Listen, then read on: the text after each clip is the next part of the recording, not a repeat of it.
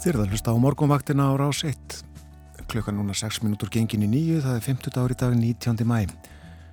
Og Bói Ágússon komin í kljóstóðu, sestur uh, við heimsklukkan. Góðan daginn, Bói. Góðan daginn, Björn. Við ætlum að fara nokkuð víða í dag. Uh, ætlum að tala þessum verbulguna í heiminum og áhrif hennar, hvernig, hvernig hún byrtist meðal annars í uh, dýrari þoski í Breitlandi. Já. Við ætlum að komast til Grænlands og Færiða líka en við ætlum að byrja á nýjútkominni skýslu um umhverfismál um mengun.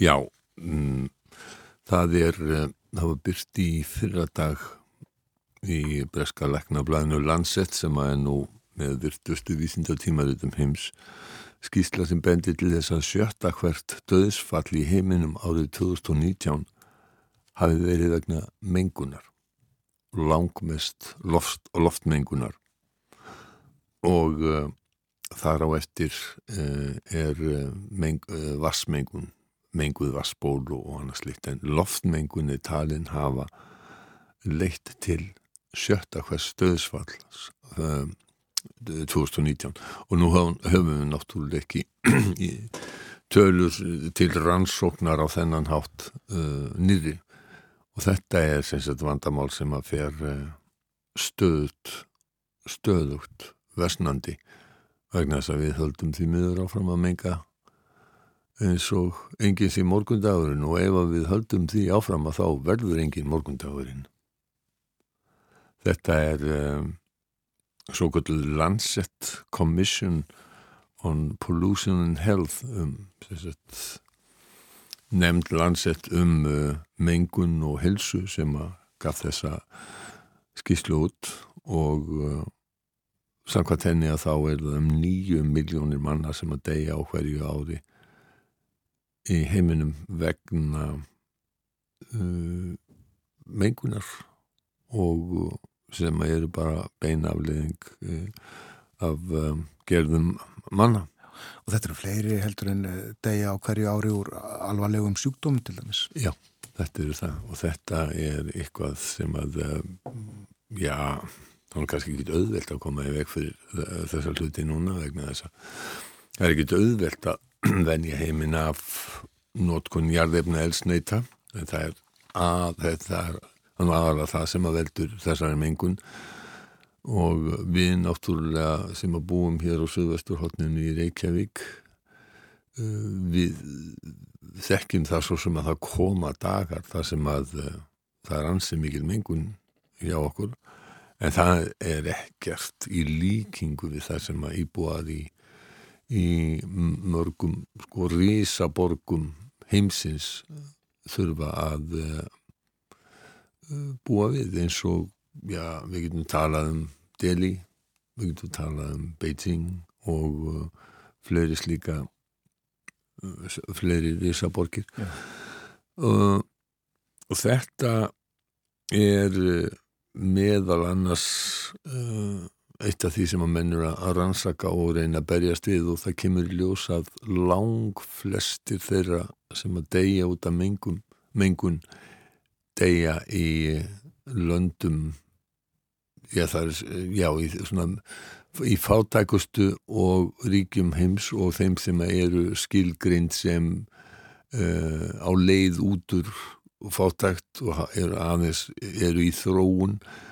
Minnst af þessu er í þeim heimi sem að við þekkjum best. Já, en það er þó uh, þar sem að uh, helst er verið að reyna að gera eitthvað, uh, reyna að draga úr nótkun jarðarnelsnetis Jú, það er rétt.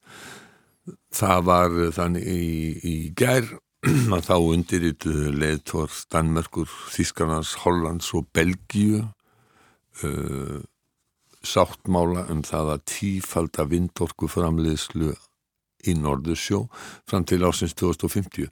Þetta er partur af tilraun eða þetta er í samræmið við stefnu Evrópusambansins um það að ná kólefni slutleysi árið 2050.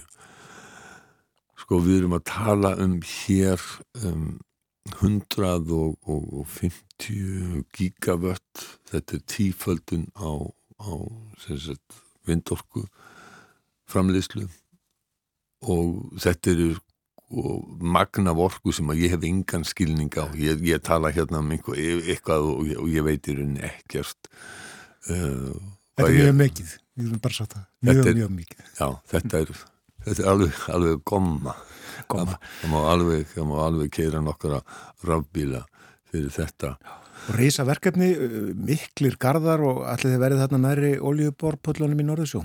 Ég veit ekki nákvæmlega hvað þetta verður en það er nú ákveð. Eh, ég held þetta sé nú miklu nær eh, landi heldur en að flestir olju- og gasborpallarnir eru í Norðursjó.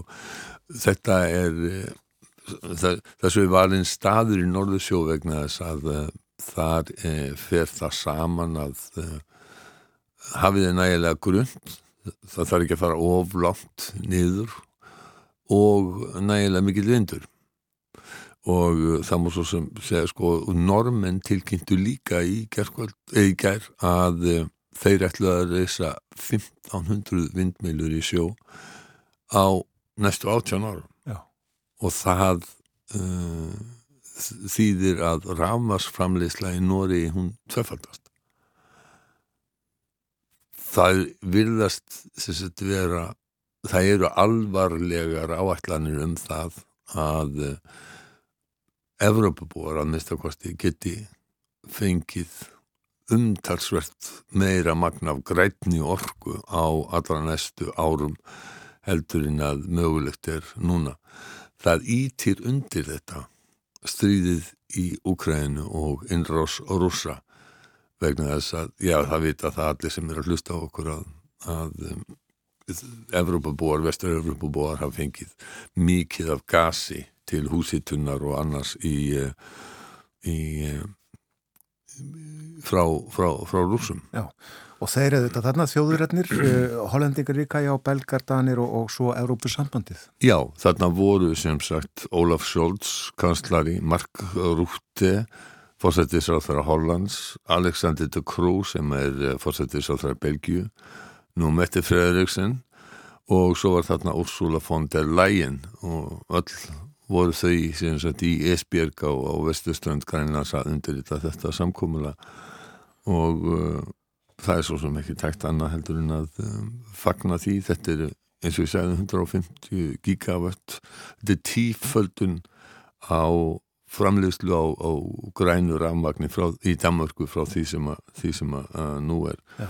Danir hugsa gott til glóðarinnar vegna þess að þeir eru meðal fremstu þjóða í um, nótkunn vindorku og má nefna fyrirtæki Vestas og svo sjá þeir fyrir sér gríðarlegar fjárfæstingar og vinnu fyrir þúsundir, þúsundir manna. Já, fólk þekkir auðvitað uh, vindminlutar þarna í grend við Kastrupflugull Jú, jú, jú, jú, ef þú kemur til Damaskur þá sérðu þar svona vindmilugarðan Já, en þá er það verðbólgan sem er uh, út um allan heim svo já, að segja hm. Já, uh, hún er það er mesta verðbólga í Damasku í 40 ár.